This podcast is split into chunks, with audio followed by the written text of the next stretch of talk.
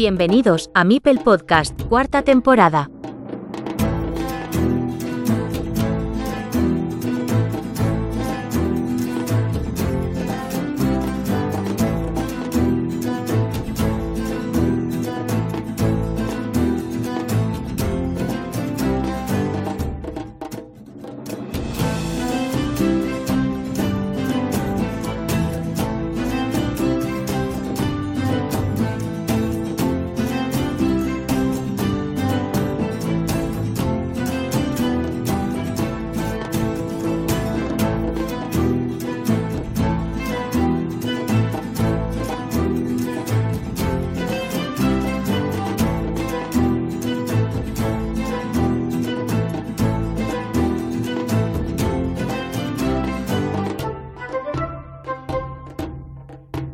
Buenas a todas y a todos los seguidores de este programa carcasonero.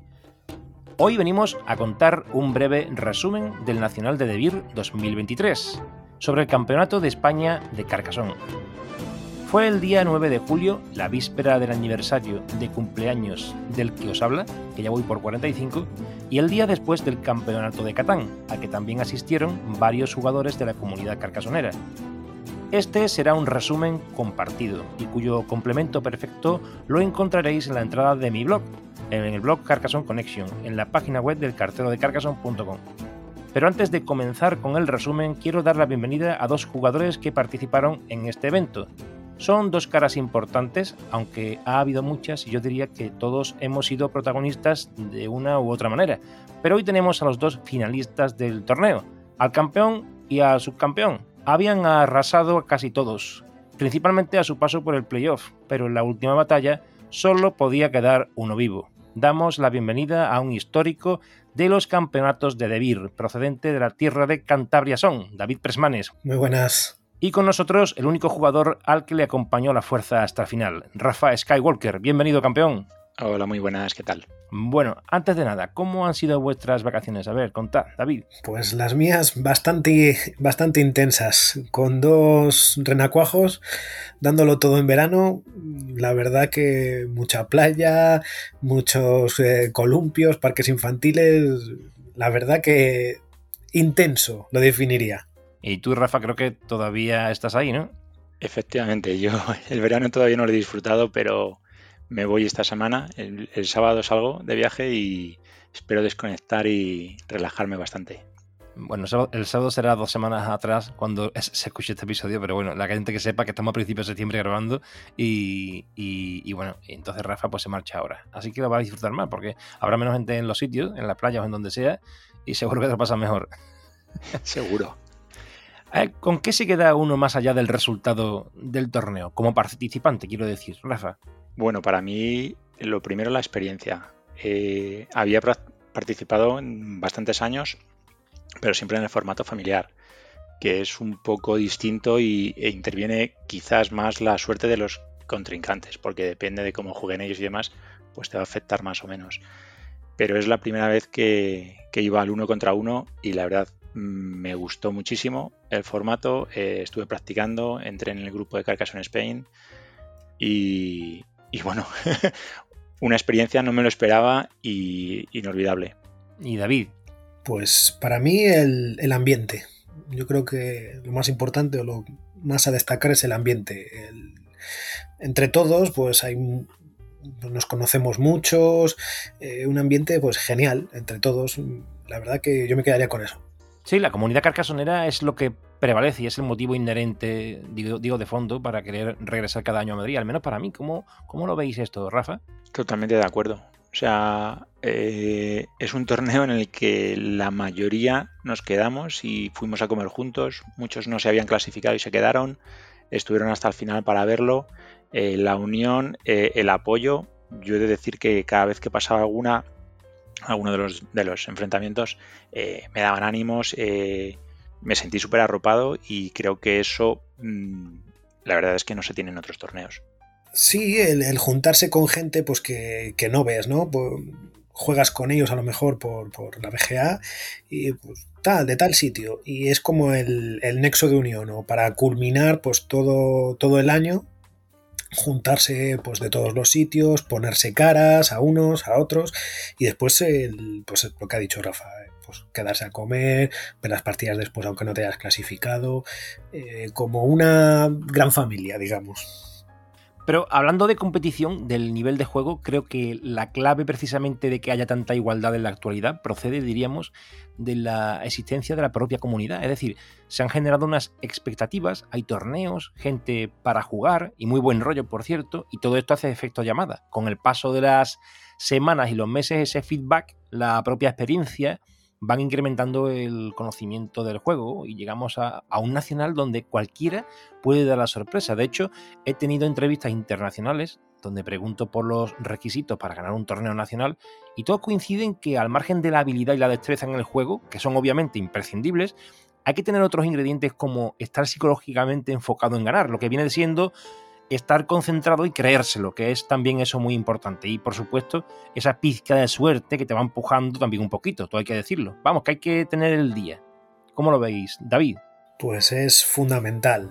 Si tienes que tener una parte de entrenamiento, de juego, de experiencia, pero después, cuando llega la hora de la verdad, eh, tienes que estar muy concentrado y los nervios, pues controlarles muy bien, porque puedes cometer o puedes hacer que el contrincante cometa errores que de normal no, los haría.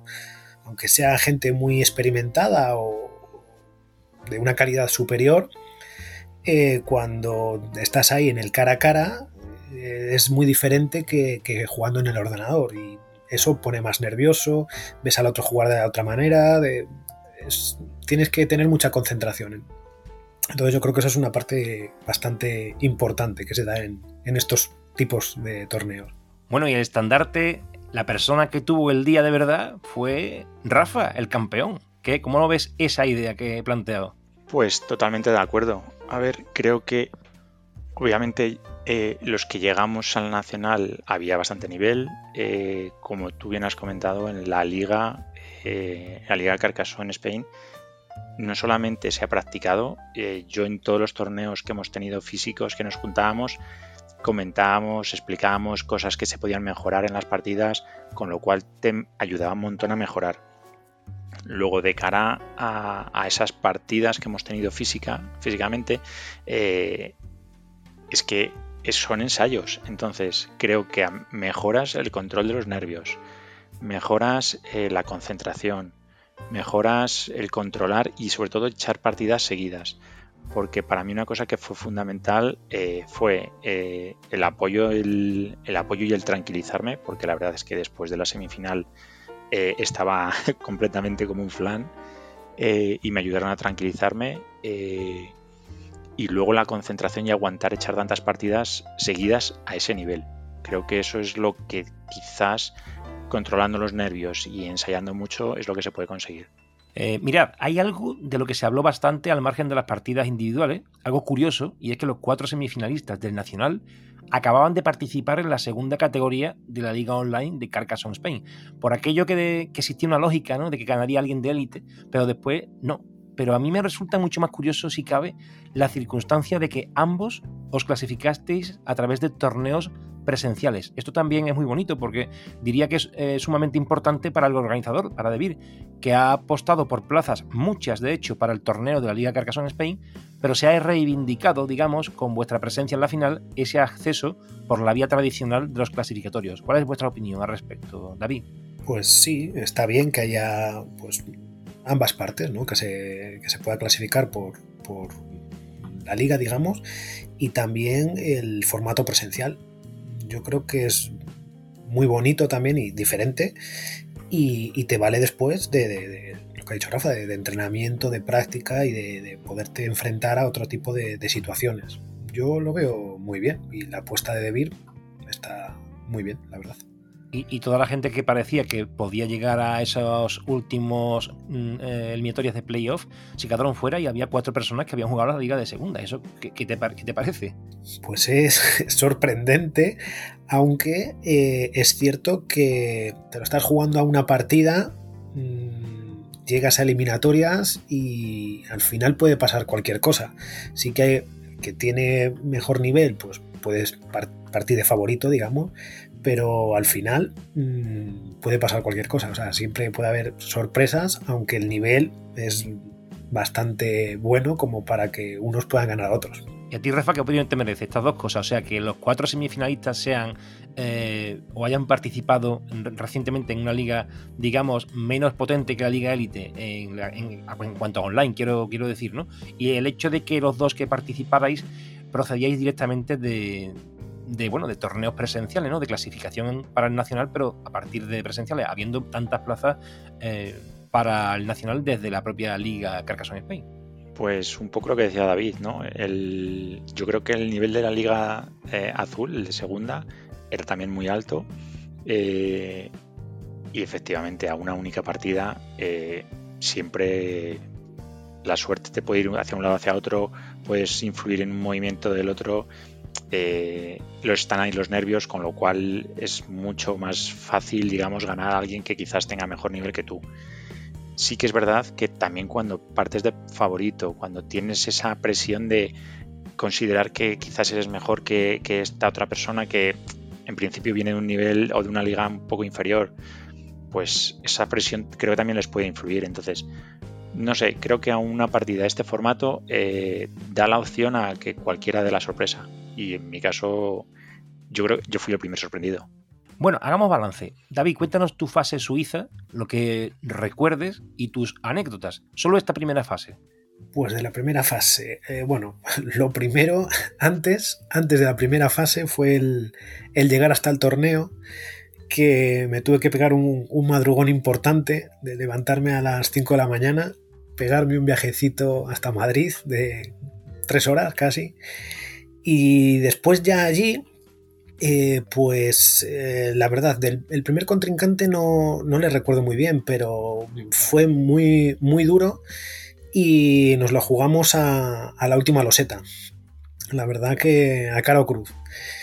Em, también eh, recuerdo el enfrentamiento contra Valle, creo que ahí le pesó el, factor psicológico, los nervios, porque se olvidó de una loseta y al final le, pasó factura. Eh, también jugué contra Juliano, que ahí me dio pal pelo. ¿Y quién más que me has...? Eh, jugué contra uno, uno, de Sevilla, recuerdo que era de Sevilla, y un estilo muy diferente al resto porque jugaba bastante a bloquear y bloquear y bloquear.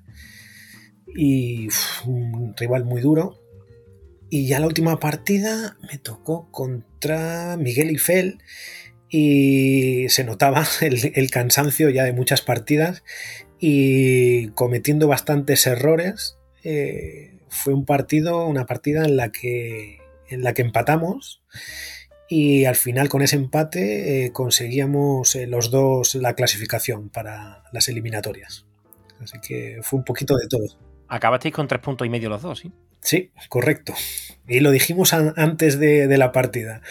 O sea, pero sin querer eh, lo, conseguimos. Y Rafa, tu relato, tu experiencia en esas cinco rondas del sistema suizo. Pues la verdad es que fue muy curioso. la primera partida fue contra, contra Javi, contra Rader. Y la verdad es que fue un poco, fue más o menos igualada, pero al final se la llevó él y, le dije, bueno, pues ya está, hasta aquí mi participación, yo creo que ya he terminado, yo me puedo ir para casa. Y me dijo, no, hombre, no, tienes posibilidades. Y sí, las tuve. Eh, la segunda fue contra Douglas, eh, que me fue muy bien. Ya ahí empecé a decir, ostras, parece que la suerte me está empezando a acompañar. Eh, la tercera fue con, Luis eh, Locuelo. Y, ahí tuve eh, la partida, la tenía totalmente ganada, o eso creía yo, pero había una loseta que se me había olvidado, ¿vale? Estaba ahí el monasterio con camino, que me entró a mí. Y según la vi cuando me entró, dije, ostras, menos mal que me ha entrado a mí, porque si no te la llevabas. Y me dijo, y eso es lo que estaba esperando yo. Y ahí ese momento no se me olvidará de decir, ostras, concéntrate un poquito más que, puede que pases y, joder, estos son tonterías que la lías. Después jugué contra iCube y, gané. Esa partida no la recuerdo muy bien, pero sí que recuerdo el ganar. Y, y la última fue contra Emilio. Y, la gané. Y esas también me sorprendió porque estábamos echando cuentas y fue como, yo cago en esta mesa. Eh, y digo, ¿tú cuántas victorias tienes? Y dice, no, yo dos victorias y dos derrotas. Y dije, ostras, no me cuadra. Digo, si yo llevo tres victorias y una derrota, digo, no, no me termina de cuadrar. Y fue luego cuando vimos que la habíamos liado y habíamos comunicado la victoria mía contra Luis en vez de hacia mi lado, hacia el lado de Luis. Pero bueno, eh, cosas que pasan, pero menos mal que Luis aceptó que efectivamente esa partida la había perdido y, por eso pasé, si no se le habría quedado el, puesto. Que digo yo que hubo varios problemas de ese tipo, pero bueno, eso se resuelve. Ya lo comentaré al final porque tengo ahí un comentario sobre esto. Eh, bueno, muy bien, tú acabaste con cuatro puntos. Es cierto, es cierto que fuiste el último de los de cuatro puntos, fuiste el noveno clasificado, por tanto estás en la mitad la segunda mitad, en, el segunda, la segunda parte de los clasificados, porque se hacen dos líneas, del 1 al 8 y del 9 al 16. Pero bueno, eh, que perdiste solo una partida, la primera precisamente. Así que bueno, muy bien. Em, el día antes, además del Nacional de Catán, eh, tuvimos el Fiestasón, que fue una pasada porque ese año se programó, mm, este año quiero decir, se programó desde el mediodía y se entregaron obsequios, se llevó a cabo un pequeño torneo, hubo expansiones, la porra del Nacional y ya el domingo día 9, por la mañana, el personal fue llegando a cuentagotas y algunos aprovecharon para desayunar en un puesto que había ahí cercano, muchos saludos y emociones por los encuentros de la comunidad, pero llegados a las 3 de la tarde, tras el suizo, tuvimos una situación más distendida. Diría un almuerzo muy chulo que se curró nuestro amigo precisamente eh, Javi Rader y donde participó toda la comunidad de Carcassonne Spain. Diría que no faltó ninguno. Dice Jaime que a él le importa más la comida que la partida. ¿Cómo vivisteis esa quedada o ese Kit Kat para el almuerzo, Rafa? Pues como tú dices, la verdad es que fue un momento buenísimo. Eh, estábamos todos emocionados, o por lo menos los que habíamos pasado para el clasificatorio. Eh, yo ahí me di ya con un canto en los dientes y dije, bueno, pues a partir de aquí ya todo lo que venga será un regalo, con lo cual disfruté, estaba súper relajado y la comida me gustó un montón, pues poder intercambiar opiniones y hablar con gente que normalmente pues no tienen la ocasión porque viven en otras comunidades y es más difícil. Entonces la verdad es que fue una experiencia muy buena. Muy divertida, sí, David. Pues muy parecido. Sí que era necesario el, descanso, el, ir a comer un poco, pero el poder hablar pues, con, otra gente, la verdad que estuvo súper bien eh, el, sitio y cómo lo, cómo lo hicieron. Y la verdad que, me gustó y, dije, bueno, pues muy parecido a Rafa. Hemos llegado hasta aquí, pues ya eh, un regalo. A ver qué pasa. Y bueno, eh, más tarde llegaron los playoffs. Tenemos las, eh, las eliminatorias, o sea, perdón, tenemos el suizo, tenemos la comida y llegan los playoffs. Rafa elimina a César Lillo eh, bueno, el chico de la plaza de Carcassonne, quien por cierto no quiso foto y por tanto esa instantánea es la única que nos saldrá consecuentemente en el resumen que publico en el blog de Carcassonne Connection, a la par que este episodio. El resto del reportaje fotográfico y clasificaciones, además de un resumen, sí saldrán. En cuartos, Rafa dejas en la estacada a Alfonso Arroyo, que fue la única invicta en el suizo y que será la representante, por cierto, del equipo nacional español para el Mundial de Alemania y que te acompañará a tierras germanas eh, Rafa, tú que vas como campeón de España. En semifinales te cargas a Jesús Camares, el campeón de segunda, que esta temporada que viene jugará en élite en la Liga Carcassonne Spain. Y la final ya la conocemos. Te fundes a un histórico Presmanes que lleva mucho tiempo luchando por mejorar sus anteriores participaciones y aunque lo ha conseguido, él tenía la esperanza de superar a Rocío, su mujer, que ya había alcanzado el hito de la final hace ocho largos años y el pobre no hacía más que mirar ese trofeo día tras día. Ahora ya tiene otro donde mirar, el suyo propio. Rafa, antes de que hablemos de la final, ¿qué opinión te sugiere tu propia trayectoria en playoff? Pues a ver, la primera partida contra César, eh, la verdad es que estuve muy tranquilo, eh, me sentí súper apoyado por toda la comunidad y, la verdad está, eh, no sé, mm, la vi muy bien, se me dio muy bien, todo fue bastante rodado y la verdad no, no la considero de las más jorobadas. Quizás también el descanso de la comida ayudó, ¿vale? Porque es verdad que según vas echando partidas, el cerebro lo nota. Eh, la segunda partida con Alfonso, la verdad es que tuve suerte. Eh, provoqué un error suyo, le bloqueé con dos monasterios y a partir de ahí eh, la cosa fue bastante bien y, la llevaba encarrilada. las semifinales fueron horribles. Fue horrible porque ostras, es que tenía la partida el ganada eh, y tuve dos movimientos finales de bastante suerte porque me salió la loseta. Le recorté como veintitantos puntos y acabé ganando creo que de un punto. O sea, eh, fue súper ajustada y lo siento la verdad por él porque creo que hizo un muy buen torneo y esa partida la tenía ganada. Pero como os digo, es que al final también está la suerte, el haberlo buscado obviamente, pero, pero la suerte ahí me acompañó. Claro, lo hemos dicho, hay que tener, hay que tener el día. O sea, se trata de todo, el conjunto. Eh, pero madre mía, David, vaya playoff. Revientas al streamer, al medalla de bronce de las Olimpiadas Mentales Online, que recientemente se ha proclamado medalla de oro en las Olimpiadas Mentales Presenciales de Londres. Que por cierto, perdiste en suizo con él, pero, pero le ganaste eh, en esta ocasión, que el playoff ya era decisivo. Luego te fundes a una campeona de España, la catalana Carolina García, que ya tiene tablas en esto, una jugadora dura donde las haya. Y en semifinales sacas el del Tiesto al Terminator Canario, que este año regresa a élite de la Liga Carcassonne Spain, el que sesgara el camino de Zocanero, que por cierto era uno de los llamados a alcanzar la proeza del Nacional. Eliminaste a Techenen y te plantas en la final. Al margen de esta última partida, la de la final, cualquiera firmaría el subcampeonato, viendo lo que fuiste capaz de hacer por el camino subcampeonato y las otras eliminatorias, porque la verdad es que jugar contra, contra esos jugadores que son buenísimos, eh, ya cualquiera es, llegar a cualquiera es un logro. Con, Juliano, eh, la verdad es que fue un poco de, vendetta con, la de la fase previa. Y, y, bueno, nada, estuvo muy bien la partida. Y mm, la de Carolina, eh, lo que decía antes del factor psicológico, la, pasó factura porque iba todo el rato por detrás de la partida, pero se la veía que no estaba muy a gusto y al final estaba cometiendo muchos errores. Y también dio la, casualidad que, empatamos al final y al haber empezado ella, pues eh, se decantó hacia mi favor. Y, lo dijimos también al principio de ella me dijo, ah, pues partes con ventaja y tal. Y yo le dije, ah, pues cámbiamelo, cámbiamelo. Y empiezo yo primero.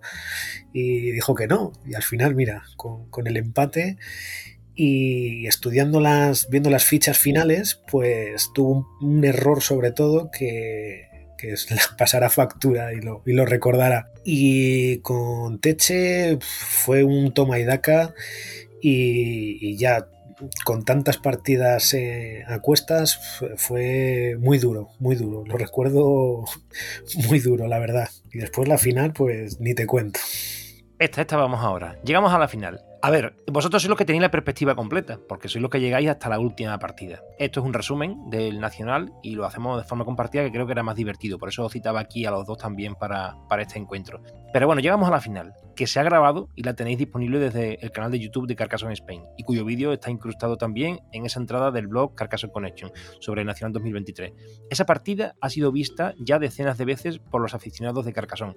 Vi eh, diría muchos altibajos, un toma y daca, por momentos, que desplazaba la balanza de uno al otro lado. Pero hubo varios momentos clave. Uno, para mí, la decisión de David de defender una ciudad que se iba haciendo cada vez más grande, pero también más frágil a la hora de ser atacada. Y las decisiones de David y alguna loseta de Rafa la convirtieron en una ciudad difícil de completar.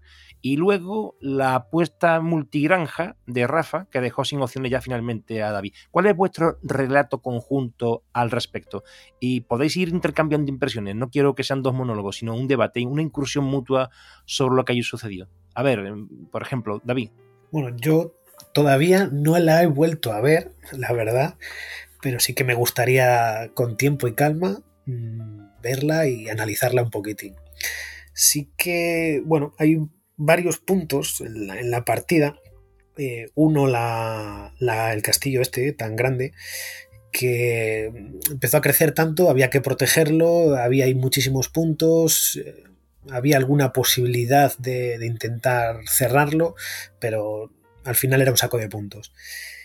Después, los dos monasterios que tenía yo en la parte inferior, bueno, la más cercana a mí, y que yo creo que fueron los que me condenaron más en, eso es lo que recuerdo que tengo yo y después sí las granjas ya me las granjas de Rafa me terminaron de sentenciar digamos esos son los puntos más importantes, así que, recuerdo. Yo estoy de acuerdo. O sea, para mí el, el momento inicial a ver, yo creo que en las partidas de Carcassonne cuando empiezas es cuando eres quizás más frágil a la hora de que te puedan bloquear y te puedan dejar, porque creo que te lastra eh, el resto de la partida. Si te bloquean mi más avanzado quizás no pesa tanto, pero si te los bloquean al principio te lastra más. Creo que nada más empezar y, también, o sea, no, la, he visto, eh, es un poco el recuerdo que tengo. Empezó David con dos ciudades eh, una muy grande, o sea, una acabó siendo muy grande y la otra más pequeña que al final consiguió cerrar. Yo realmente iba a atacar para bloquearle y, bloquearle las dos, ¿vale? Entonces, él creo, o, mi, idea fue que él estaba cerrando o aumentando la ciudad grande para que no le bloqueara las dos y bueno, al final le salió bien porque no le pude bloquear las dos, pero esa era mi intención, porque yo decía, digo, si le bloqueo estas dos, se metió arriba en dos monasterios, arriba, que era su lado cercano, en dos monasterios, y yo decía, digo, es que ya ahí tiene cuatro, digo, eso le va a costar recuperarlos, y ahí yo tenía la opción de si me van saliendo, como me salían ciudades, y voy cerrando, voy haciendo puntitos, y una vez que tienes tus puntos, tus ciudades ya creadas y la posibilidad de que como tienes más meeples, tirarte a, las granjas, eh, creo que fue lo que decantó la, ciudad, la, partida hacia mi lado. Eh, así es como lo, como lo vi yo. Sí, sí, las, los pequeños puntos que ibas picando eh, dolían muchísimo. Yo con tantos meeples puestos en la, en la partida, pero bueno, se, se, planteó así, ¿no? Los castillos que, bueno, más o menos me fui amoldando uno y el otro como saco de puntos. Y los dos monasterios, los dos monasterios esos les tengo ahí clavados. No, iba a decir que creo que los monasterios te pueden dar partidas y de hecho no, iría mal. El problema fue que como los tenías tan fuera de... O sea, el tablero no creció hacia los monasterios y ese fue el, lastre quizás. Sí, quedaron un poco apartados y no se invirtió en esa zona para, Eso es. para jugar. Mm. Yo dudé algunas veces en, los campos porque no eran demasiado grandes, pero es verdad que llegó un punto llegó un punto en que Rafa había recuperado muchos meeples y, y, diría, bueno, si me quedan eh, ya menos losetas, o nos quedan a los dos a menos losetas, ¿por qué no voy a ir metiendo ya meeples aquí en el campo, aunque sean dos ciudades o tres, o incluso se puedan ampliar con alguna que se cierre? Porque estos ya son puntos que si no se me los llevo eso, se lleva él y hay una diferencia del doble. O sea, no sé qué pensarás tú en ese apartado, Rafa. Si lo fuiste haciendo así por eso, para ir ya cogiendo zonas. Totalmente. Esa, esa fue la intención. Viendo que yo tenía más meeples en las manos, que esa, esa, por ejemplo, es una de las ventajas que yo le veo a, jugar en, en persona, ¿vale? Eh, controlas mucho mejor los MIPES que tienes. Cuando estás en la VGA parece que los sueltas y de repente dices, va, si me queda solo uno. Aquí al hacerlo en persona los controlo, yo por lo menos los controlo mucho mejor. Eh, yo me vi con muchos MIPES, vi que había puntos, no eran demasiados, pero las granjas podían seguir creciendo. Y, mientras vinieran, pues, pues iba sobre todo eh, cerrando la opción a que David pudiera tirarse a las granjas y que me restara puntos. Entonces sí, esa era la intención totalmente de acuerdo. Con, más meeples y como estaba la partida, eh, los campos, por pocos puntos que hubiera, decantaban. Decantaban. Claro, yo creo que al final fue un poco esa parte la que dirimió un poco más la partida. ¿En qué momento quizá David te das cuenta de que estás, estás dejándote de ir ya y que la partida se está decantando por parte de Rafa? ¿En qué momento te das cuenta? ¿En, en ese momento de los campos que los va ocupando Rafa o en alguna otra situación? Ya cuando con los campos ya lo vi muy, muy, muy, complicado, la verdad.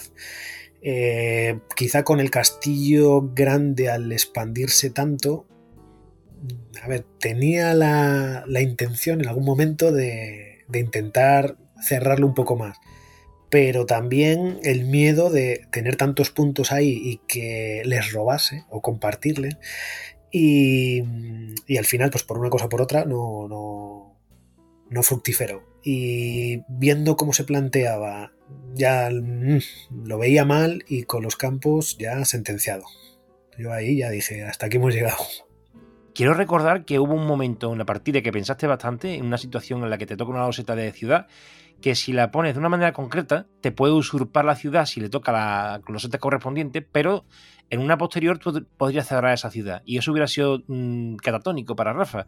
Claro, decide ponerla de una manera que abre mucho más todavía la ciudad y la complica, pero que la defiendes. Y claro, después a él le toca un camino que, me hizo gracia y después te, toca un, triángulo, o sea, un dorito. Y digo, hostia, podía haber cerrado la ciudad. Pero claro, se abrió. Y al final esa ciudad no se llegó a cerrar. Es verdad que sumó muchos puntos, pero fue una situación también que, bueno, es que al final esas son las partidas de Carcassonne. Tienes que decidirte en algún momento o en otro por, una situación o por otra. Claro, al final tienes que, decidir y después que salen las tres losetas siguientes dices, ah, claro, tenía que haber hecho lo contrario o qué bien hice. Pero son esas decisiones que pasan en, en segundos y que pueden decantar para uno y para otro. Sí que eso me, mató, la verdad. Pero claro, al final, ¿qué haces? Eh, ¿Me la juego? ¿Estoy en el punto de jugármela? ¿O puedo intentar esperar un poquitín, que no entre? ¿Será suficiente? Piensas todo eso y al final, pues, tomas una decisión, acertada o equivocada. Sí, porque si intentas cerrarla y después se te mete, todavía, pues, pues, moralmente te echa abajo totalmente. Entonces, claro, te estabas acojonado ahí, diría, y dices, no, no, lo voy a defender porque aunque no la cierres, que lo que no quiero es que se lleve los puntos. Efectivamente. De hecho, es lo que pasó al final en la última ciudad que cerramos, que, al final la compartimos y, encima me dio la opción de, tumbarme y llevarme eh, granja por los dos lados. Sí, ha tenido mucho fleco en la partida, ¿eh? Sí. yo estoy, o sea, yo creo que David sí lo hizo bien en, cuando defendió la ciudad grande. Eh, creo que es donde tenía que ponerla. El problema es que las losetas que salieron, salieron en ese orden y quizás si lo pone de otra manera, eh, a mí me sale una y le bloqueo las dos ciudades, ¿eh? O sea, es verdad que tienes que decidir dónde lo pones, o quizás a lo mejor haberla tirado por otro sitio y, y no hacer nada con ella, no sé. Pero al final salvó una ciudad y podía haberse quedado con dos mipers ahí y no cerrar la ciudad. Yo fue el único momento en el que dije, ojo, que a lo mejor no lo tengo tan de cara, porque yo la partida la vi muy de cara en el momento en el que vi que tenía cuatro mipers no bloqueados, pero sí ahí que necesitaba tiempo hasta que le salieran, porque eh, cerrar la ciudad que estaba cerca de la grande eh, le costó. Es decir, la, la, ficha inicial tardó en salirle para que pudiera cerrar esa ciudad. Y, como los tenía esos cuatro ahí, fue como, bueno, es que está jugando solo con tres. O sea, lo tengo bastante de cara. Cuando ya cerró, recuperó, también, no sé si recuperó también otro monasterio, ya dije, ojo, que aquí tal, y por eso fue por lo que dije, hay que tirarse, hay que tirarse a las granjas y, coger puntos por todos los lados, porque si no, él sí que puede tirarse y decantar la partida hacia su lado. Sí, tardaron, tardaron en salir esas, eh, esas losetas y, el tempo. El tempo de que marcan las losetas al salir, eh, en este caso, fue clave. Pero hay que tomar esas decisiones. De, de, hecho, es lo que tú has dicho, ¿eh? O sea, si esa ciudad hubiera crecido más, teniendo yo más Mipels, seguro la habría atacado. seguro. O sea, en esas cosas eh, es como la granja. Dice, bueno, me he tirado a la granja de 9 puntos. Pues si en esta ciudad él tiene 15, hay que ir a por esa. Es mejor la ciudad, aunque no se cierre, que, una granja. Había chicha y vas a, ahí, ¿no? a, picar. Eso es. Bueno, y en resumen, en unas palabras, diría de la final o del nacional, David. Pues la verdad que súper contento con, el resultado, con el ambiente, eh, con todo. La verdad que estoy muy, muy contento de haber quedado segundo, porque para nada, para nada era, era esperado. Siempre, pues al principio te dices, pues tú marcas un poquitín, ¿no? Eh, ¿Hasta dónde puedo pues, clasificarme o tal? Y la verdad que súper emocionado y, contento con, con todo en general, con el ambiente, con el torneo en sí. Y Rafa, un, resumen rápido, un balance de tu participación. Pues como os digo, o sea, yo empecé perdiendo y diciendo me voy para casa y cuando me clasifiqué dije, pues ya está, o sea, esto es lo que yo quería, clasificarme entre los 16 primeros. O sea, que ya de ahí todo era un regalo. De hecho, cuando llegamos a la final, David y yo dijimos, o sea, llegar aquí ya ha sido más que un regalo. O sea, yo después de, ganar a Camares, o sea, es que eh, no me lo creía, me tuve que salir con Luis fuera a, relajarme, que quizás David estuvo ahí como diciendo, ¿y este? ¿Se ha pirado?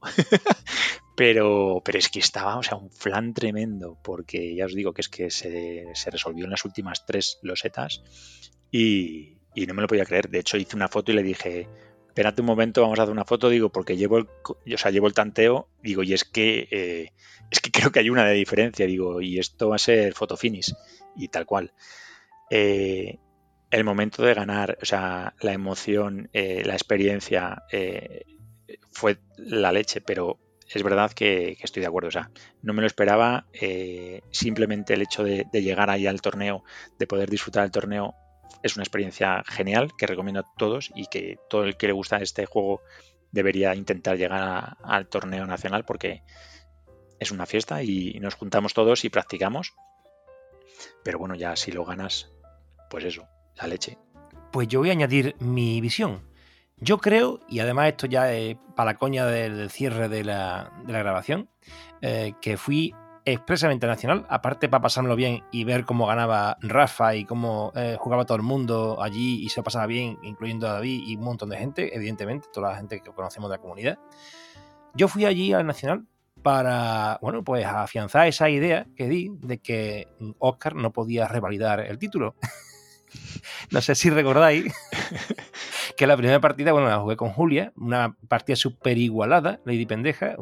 La verdad es que una partida igualada desde el principio y la, y la empatamos, de hecho, al final. Pero jugué la segunda con, con la, eh, bueno, por la pareja de Oscar Méndez, ese catalán histórico de Nacionales de Debir. Y bueno, al final, este chico que le he dicho varias veces que lo quería entrevistar, me decía que no, que él es un poquito cortado y tal, que no tenía ganas. Pero le dije, me, le dije, oye, estoy perdiendo la partida y tal. Y dice, bueno, entonces te ocurre ganarla. Digo, bueno, si la, si la, si la pierdo, me concedo la entrevista. Y me dice, venga, vale. Y total, que la perdí, pero no lo hice queriendo. Fue una, una casualidad. Lo, curioso es que me la apunté como victoria y me equivoqué. Y después, tres partidas después, tuve que rectificarla. Me pasó lo mismo que a Rafa y a Luis. Pero ¿qué pasó? Que en la tercera, por culpa de eso, me enfrenté a Oscar con quien no tendría que haber jugado, Oscaridis. Él tenía un punto y medio y yo solamente medio, pero me había anotado un punto que no me correspondía. Entonces jugué con él y esta partida, él, eh, yo considero, porque me apetece que sea así, que es el punto que le faltó para clasificarse para playoff. Entonces, pues un poquito de risa, ¿no, Oscar? ¿Qué te, parece? Pues nada, que le jodí el playoff a, nuestro amigo. Y lo más curioso es que esa partida teníamos al lado a un chico cordobés que dio la nota porque también se clasificó con, cuatro puntos, José Manuel Jiménez Toledano, que por cierto, el torneo en donde se clasificó este chico, ganó el torneo eh, eh, Alberto, Fisiquito 88. Eh, como él estaba clasificado de la liga Carcassonne Spain, llamaron al bueno, al que quedó segundo, que era un amigo de suyo, y no pudo ir. Y llamaron a este, a José Manuel Jiménez Toledano, que fue el tercero. Bueno, pues este llegó a playoff y se clasificó para los cuartos de, para los cuartos de final. Eh, y resulta que jugaba en esa partida al lado nuestra eh, con, Carolina García, la chica de, Cataluña, que jugó contra Presmanes también en, la, en los cuartos. Y resulta de que hubo un momento en que me habían pegado tanto el tablero de puntos aquí al brazo que yo hice un gesto con Oscar que nos echemos a reír, le pegué un codazo al tablero y salieron volando dos meeples que, que señalaban la puntuación. Podéis reír, ¿eh? estoy aguantando. Se, quedó, se quedó blanco eh, Oscar y se quedaron blancos también eh, José Manuel y Carolina. Menos mal que más o menos acertaron a colocarlo donde presumiblemente estaban los dos Mipels. Y aún así, Carolina le había pegado una paliza de todas maneras después eh, a, José Manuel. Pero bueno, esa es la anécdota, la anécdota curiosa, ¿no? Eh, así que bueno, yo también tenía que contar lo mío. Hiciste un pequeño, un pequeño tsunami, ¿no? Sí, fue un punto y medio, o sea, medio punto de la primera partida muy igualada. Después perdí todas las demás, pero solamente gané la de Oscar, que, ya le había dicho en varios episodios del podcast que era imposible que pudiera ganar tres veces. De hecho, bueno, eh, eh, fueron matemáticas y, y, le quité el punto que le hacía falta para playoff y se, se convirtió en, en el destino. Ganaste la que tenías que ganar. Efectivamente, gané la que tenía que ganar. Te estabas concentrado en ganar a Oscar, el resto te daba igual. Pero es que no tenía que haberme enfrentado a él. O sea, diría que después con Juliano me enfrenté también habiendo un punto y medio de diferencia y fue él quien me dijo, oye, tienes no sé cuántos puntos. digo, no puede ser. Y ya llamamos nos llamó la atención esto. Bueno, claro, yo me enfrenté a quien no me tenía que enfrentar en todas esas partidas y la chica, la la pareja de Oscar, pues también le pasó lo mismo, Pero después corrigieron el punto, ya, ya las partidas, los enfrentamientos se quedaron como estaban, pero corrigieron el punto y bueno, yo me quedé ahí con el punto y medio. Y esta chica pues, sumó otro punto más. De todas maneras, también se quedó fuera de playoff. Bueno, algo que añadir a todo esto, Rafa, David. Poca cosa más. Yo creo que hemos dado un buen repaso al Nacional. Muy bien. ¿Y tú, Rafa? Pues yo decir que la verdad es que un placer haberlo disfrutado. Eh, me quedé con ganas de, haber hablado un poquillo más con, más gente y también me quedé con ganas, eh, quizás por los nervios que tenía, de haber pedido a todos los que jugaron eh, o por lo menos hayan jugado contra mí que me firmaran el juego. Así que espero que el próximo año nos clasifiquemos todos y os voy a llevar el juego para que me lo firméis, ¿eh? o sea, eso ahí queda porque estos recuerdos, a ver, la verdad es que mola guardarlos. Claro, al principio no lo pedías la firma porque no sabía que ibas a ganar, pero después de ganar dices tú, tía, pues podría haber pedido la firma de todos los jugadores y así me llevo el recuerdo, ¿no? De, hecho, es que yo lo que hacía era una foto antes de empezar, ¿eh? en todas decía, vamos a hacer una foto antes de empezar, que ahí estamos sonriendo los dos. Luego, cuando terminamos, uno sonríe más que otro. Muy bien. Bueno, David, eh, que Dios te bendiga con una problema amplia. No, no, calla, calla. déjalo como está, que sí está muy bien. Muy bien. Eh, Rafa, que los inexcrutables caminos del Edén de las vacaciones te deparen la dicha necesaria para afrontar los obstáculos venideros. En el Essen, que diga eh, Erne o Herne, como se diga. Eh, muchas gracias. Esperemos que sí. Va a hacer falta que los oráculos vayan conmigo porque ahí hay mucho monstruo. Otros que también recordan, Hansing Luke, para no alquilar una sala de juego en el Spiel Festival, se lleva el torneo al lugar donde se ubica la dirección técnica del evento, la sede de Spiel Centrum. ¿Nos veremos algún día jugando al Nacional en la sede de Jugamos Todos en Córdoba? A mí, desde luego, me cogería al lado. Bueno. no lo descartes. Rafa, gracias por aceptar la invitación. Muchas gracias a, ti. Eh, un comentario. Creo que David también eh, es profesor de matemáticas. Bueno, profesor de secundaria, sí, de tecnología y he dado alguna vez matemáticas. Ah, vale. Iba a decir como dato curioso que, yo estudié matemáticas y creo que, mm, bueno, creo que puede ayudar. También Manarori. Sí, era un dato curioso. Eh, pues Rafa, muchas gracias. Y David, querido David, encantado de haberte tenido por aquí de nuevo. A ti. A toda la audiencia, os esperamos en el próximo episodio.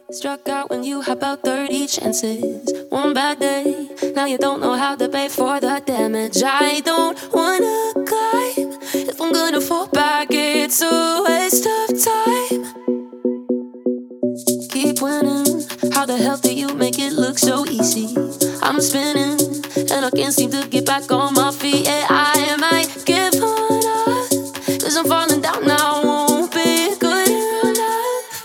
Those days when nothing ever really